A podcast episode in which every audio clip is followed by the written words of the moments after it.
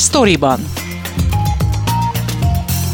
Ez a Szabad Európa podcastja, amelyben a honlapunkon megjelent cikkek hátteréről, kulisszatitkairól beszélgetek a szerzőkkel. Mivel kollégákról van szó, kérem nézzék el nekem, hogy tegeződni fogunk. Én Fazekas Pálma vagyok, tartsanak velem és munkatársaimmal.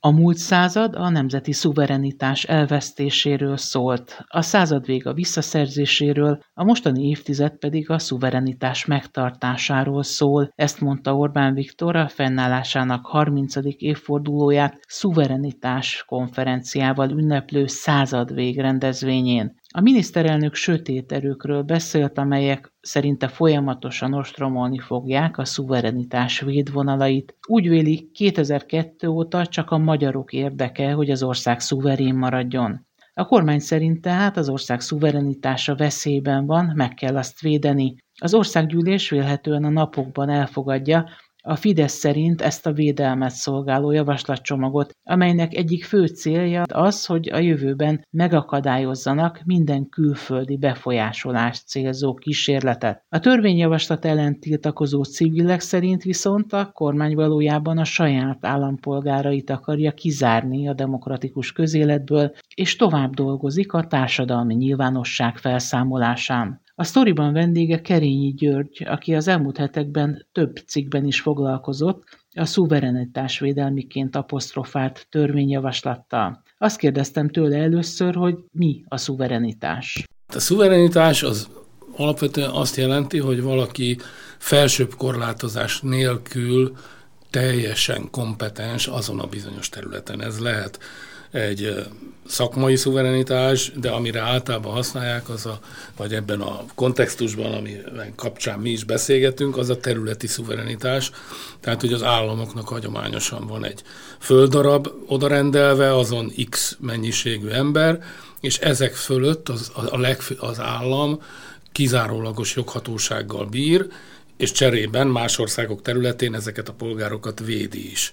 Ugye ez a kizárólagos joghatóság is egy kicsit bizonytalan már. Erről majd beszélünk, ugye erről a szuverenitás védelmi hatóságról, amit Igen. majd, hogyha megszavaznak, és véletlenül megszavazzák ezt a törvényjavaslatot, akkor fel, felállítják ezt a hatóságot. Egyébként van egy friss info ezzel kapcsolatban, mert hogy nem sokkal beszélgetésünk előtt, vagy talán még most beszélgetésünkkel egy időben zajlik a kormányinfo, ahol természetesen ez egy központi téma volt már az újságírói kérdések tekintetében, és azt mondta Gulyás Gergely, hogy a szuverenitás védelmi hatóságtól ettől nem kell a sajtószabadságot félteni, mert hogy ugyan kérhetnek információt magyar médiumoktól, újságoktól, külföldi forrás ügyében is, de szankcionáláshoz nincs joga. Ugye a külföldi források ügye ez azt jelenti, hogy nem lehet véleményformálók ként elfogadni külföldi Hát ez egy elég nehézen megítélhető. Ugye a törvénynek az a legfőbb baja, hogy, és valószínűleg tudatosan van ennyire pongyolán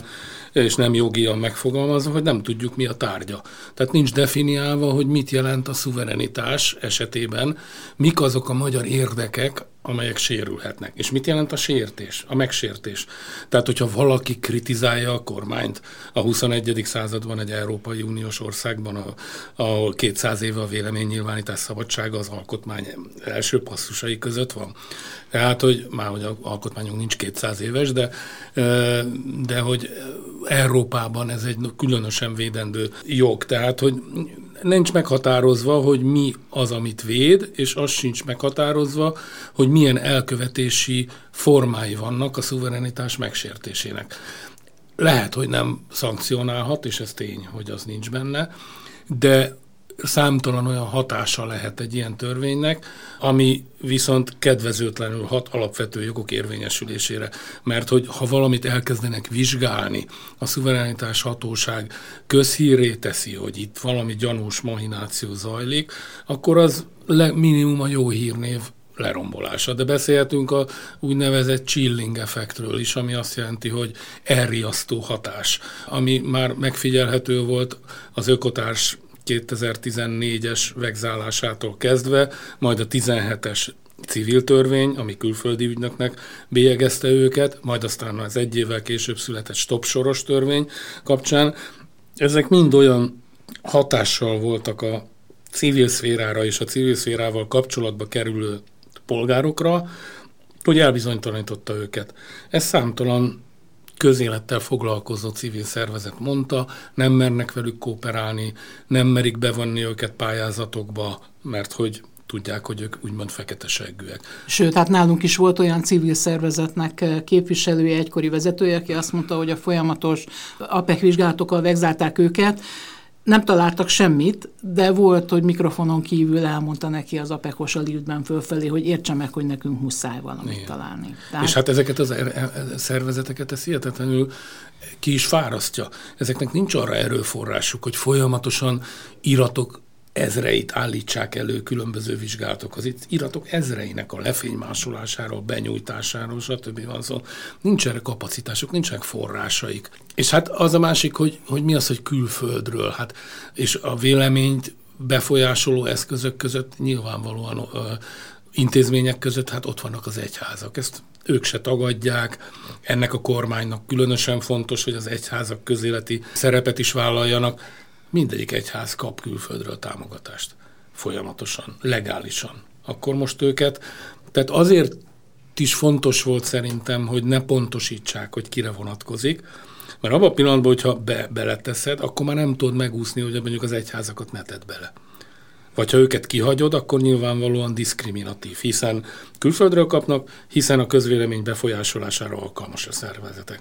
Tehát azt nem lehet megcsinálni, hogy őket nem. Ezért inkább egy ilyen teljesen tágra hagyták. Lehet-e mérni a szuverenitásnak a fokát? Tehát az, hogy egy országban ez jó vagy rossz, mekkora, kicsi, nagy, mi az ideális, egy olyan országról beszélünk, amelyik tagja az Európai Uniónak, tagja a NATO-nak. Tehát nyilván egy csomó olyan döntést kell végrehajtania, ami adott esetben még sérthetné is a szuverenitását, de egy felsőbb szabálynak engedelmeskedve elfogadja ezt. Hát persze, hát a szuverenitásunk egy részéről önként lemondtunk, akkor, amikor nemzetközi terv- szervezetekhez csatlakoztunk. Amikor a 99-ben csatlakoztunk a NATO-hoz, akkor a szuverenitás talán legexplicitebb kapcsolódási pontjához, a honvédelmi képességünknek egy jelentős részét átruháztuk másra. Persze, mert az nekünk sokkal jobb, hogyha amerikaiak védenek minket, és nem nekünk kell egy órand hadsereget föntartani. Amikor az Unióhoz csatlakoztunk, akkor elfogadtuk azt, hogy a, a bizonyos jogterületeken a szabályozást átadjuk, egy másik entitásnak, az uniónak, amely uniónak egyébként mi ugyanúgy aktív részesei vagyunk a döntéseinek meghozói, de akkor is, főleg a gazdaság terén, a, régen a szuverenitásnak hát az egyik legfontosabb őrzője volt a határ. Idáig tartunk. Ott, ott meg kell neked állnod a szénásszekérrel, és vámot kell fizessél. Erről ugye lemondtunk. Tehát egy számtalan dologról lemondtunk a szuverenitásunk egy részéről. De hát, ha még nem is a nemzetközi szervezetekben való részvételről beszélünk, amikor engedélyezzük azt, hogy multi, külföldi cégek megtelepedjenek Magyarországon. Például kínai akkumulátorgyárak, és kivigyék a profitot. Hát miért ne vinnék? Az amerika, a német autógyárak is kiviszik. Akkor is lemondunk a szuverenitásunk. Magyar földön megtermelt értékeket külföldre hagyunk. Tehát, hogy ez egy nagyon nehezen megfogható dolog. Másrészt ugyanakkor meg mindannyian érezzük és tudjuk, különösen a 2010-es évek óta, amióta előbb Oroszország, majd Kína intenzíven elkezdett destabilizáló tevékenységet folytatni nyugati demokráciákban, hogy van annak veszélye, hogyha a választásokat külső aktorok, ágensek befolyásolni akarják. Ez egy politikai lépés a kormány részéről, vagy pedig valóban egyfajta az országvédelmi retorikába illeszkedő döntés, és kitől kell megvédeni hát ez? Egy, ez a kettő tulajdonképpen ugyanaz, ez egy politikai kommunikációs lépés alapvetően, tehát pont a megfoghatatlansága miatt is ennek gyakorlati operacionalizálhatósága nem lesz. Tehát a, ami a külföldi befolyástól alapvetően a kémelhárítás tud minket megvédeni, vagy a, a hackerek ellen jól felépített és a fake news terjesztés ellen jól felépített kibervédelmi rendszerek, amelyekben egy cseppet sem jeleskedünk annyira. Ez egyértelműen belpolitikai használatra szánt, a 2024-es választásokig folyamatosan tüzelt és aktív topik, fél év van a választásokig, és ez lesz az egyik fő témája a választásnak, az már látszik. A ez már az önkormányzati választás? Meg az EP is? választás, ami ugye egybe lesz. Tehát ez a, Orbánnak is ez a fő témája a EP-vel kapcsolatban, hogy a szuverenitás, úgymond szuverenitásban hívő, az EU további integrációját gátolni igyekvő áttörésre van szükség az európai parlamenti Szintén. Amikor Magyarország megalkotta a státusztörvényt, amiről ugye a Velencei Bizottság is hosszan értekezett, és aztán elmondta, hogy tulajdonképpen kötelessége is egy anyagországnak védeni valamilyen szinten a határon túlélő Vagy akceptálható lehetősége, igen. Így van, de azért a korlátokat szab, szab, megszabja azokat a területeket, például az oktatás területét, ahol ez kívánatos, és más olyan területet, ahol már sértheti az adott ország szuverenitását. Magyarul, amikor a magyar kormány támogatja akár politikai hátszelet nyújt az adott országban a választásokhoz, és a kinti magyar pártokat támogatja, akkor nem sérti a szuverenitási szabályokat? De szerintem, hogyha ezt a szomszéd országok, ahol nagy számban élnek magyar kisebbségek, komolyan vennék, és mondjuk ők is hoznának egy ilyen rendelkezést, az teljesen megölné a kinti magyar közösségeket, amelyek nagyon nagy mértékben támaszkodnak a saját túlélésük érdekében, vagy fennmaradásuk érdekében a mindenkori magyar kormánytól kapott támogatásokra. Ukrajnában, Kárpátalján ugye ez olyan szintet ért már el az elmúlt 8-10 évben, hogy a magyar állam fizeti tanároknak a pénzét, lelkészeknek, tehát az ukrán állami közigazgatásban dolgozó magyaroknak a, a fizetéséhez ad kiegészítés, tehát egy csomó állami funkciót is ez működtetett. A Velencei Bizottság azt mondta ki, hogy minden lehet, mert nehéz nagyon meghúzni a határt, hogy meddig, mikor sérül egy ország szuverenitása, de fontos, hogy a fogadó ország és az anyaország ezt tárgyalja le és közös megegyezéssel döntsenek arról, vagy hogy milyen támogatások és milyen célra érkeznek.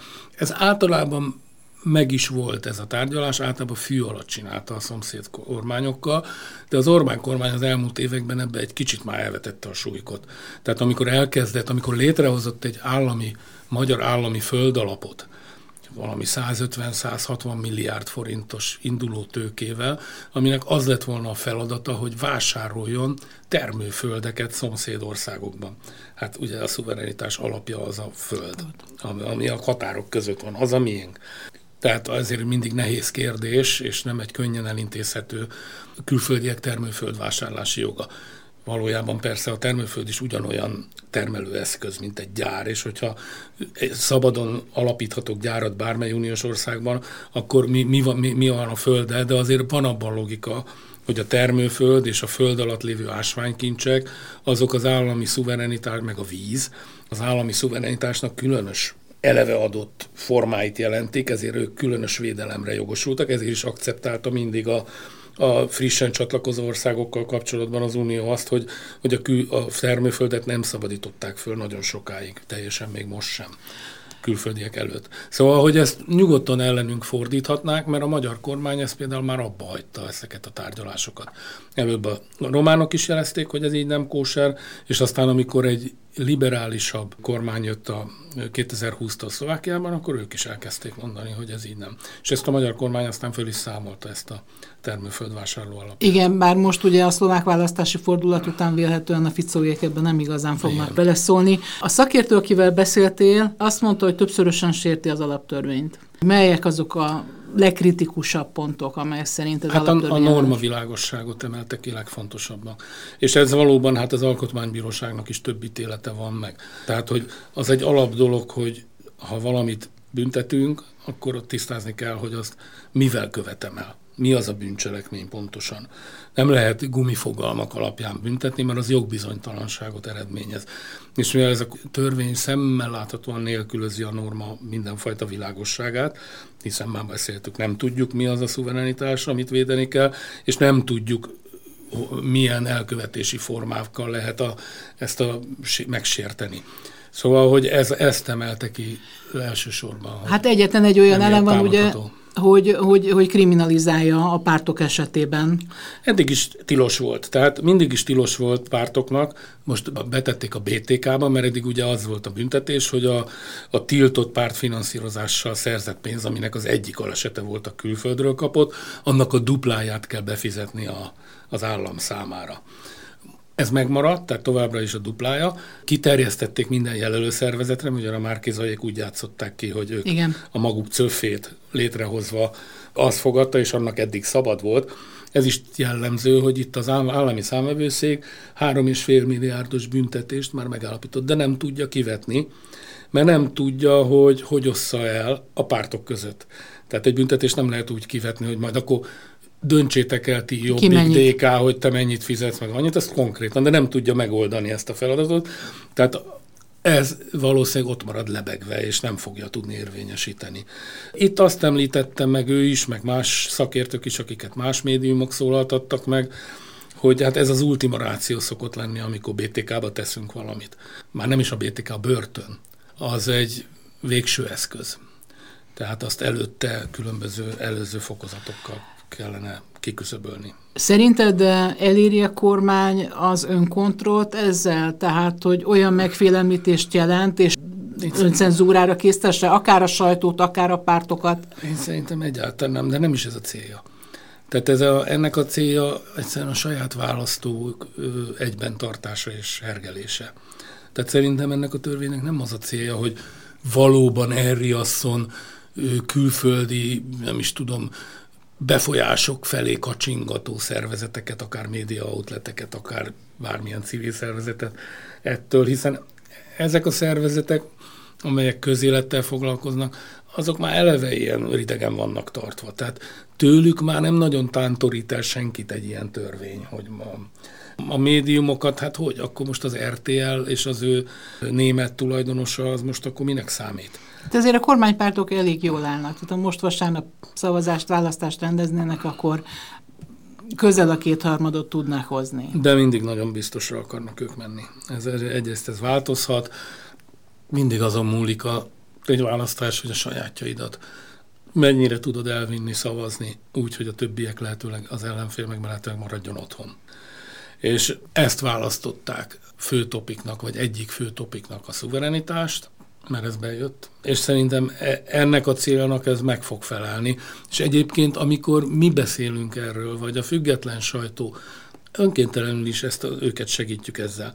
Nekik az a céljuk, hogy ez forogjon a közbeszédben, hogy erről legyen szó. Azt már, az már őket nem érdekli, hogy természetesen a mi oldalunkon úgy mond, ha van ilyen, hogy mi oldal, de mondjuk a független, nem elkötelezett oldalon minden szakértő azt mondja, hogy ez baromság, alkotmánysértő, stb. putyini minta tök mindegy, hogy ezek mit mondanak. Megkérdezték a kormányinfon Gulyás Gergelytől azt is, hogy mekkora büdzsé fölött rendelkezik majd ez a bizonyos szuverenitásvédelmi hatóság. Azt azt mondta, hogy önálló fejezetként szerepel a költségvetésben, ez átlátható lesz, de hogy a legkisebb méretű szervezetre kell gondolni, ez csak egy ilyen zárójeles megjegyzés volt. Ugyanakkor több ellenzéki párt jelezte már, hogy az európai parlamenti képviselőjük kezdeményezi majd, hogy kötelezettségszegési eljárást indítsanak Magyarország ellen. Mint falat kenyér úgy jön ez a Orbán Viktornak, szerintem. Hát ide, hogy ki van plakátolva a város azzal, hogy a, a Brüsszel az ellenségünk. Ugye mondtuk, már rögtön, mi védjük a magyar szuverenitást, és azonnal szegési eljárás. Tehát ezt mondjuk, ezért kell védenünk tovább. A csapataink harcban állnak, és fokozott erővel fogjuk védeni. Ezek tökéletesen már megint az ő agendáján mozgunk, mindannyian. Én azért nem érzékelem annyira, hogy agilisek lennének ebben a ellenzéki pártok, de hát majd az ellenzéki közvélemény belehergeli őket, mert azok a szavazóik, mert hát nekik az inflációval kéne foglalkozni. Tehát nekik arról kéne beszélni, hogy jó, jó, jó, de ezt ugye tudjuk, hogy a szuverenitás az most csak azért van előrángatva, hogy ne kelljen az Európában izé élenjáró inflációról beszélni a kormánynak, hogy az összes félre sikerült válság kezeléséről, stb. Tehát, hogy ez neki ideális, hogyha ez ellen elkezdenek föllépni a különböző aktorok, a véleményeket befolyásoló aktorok.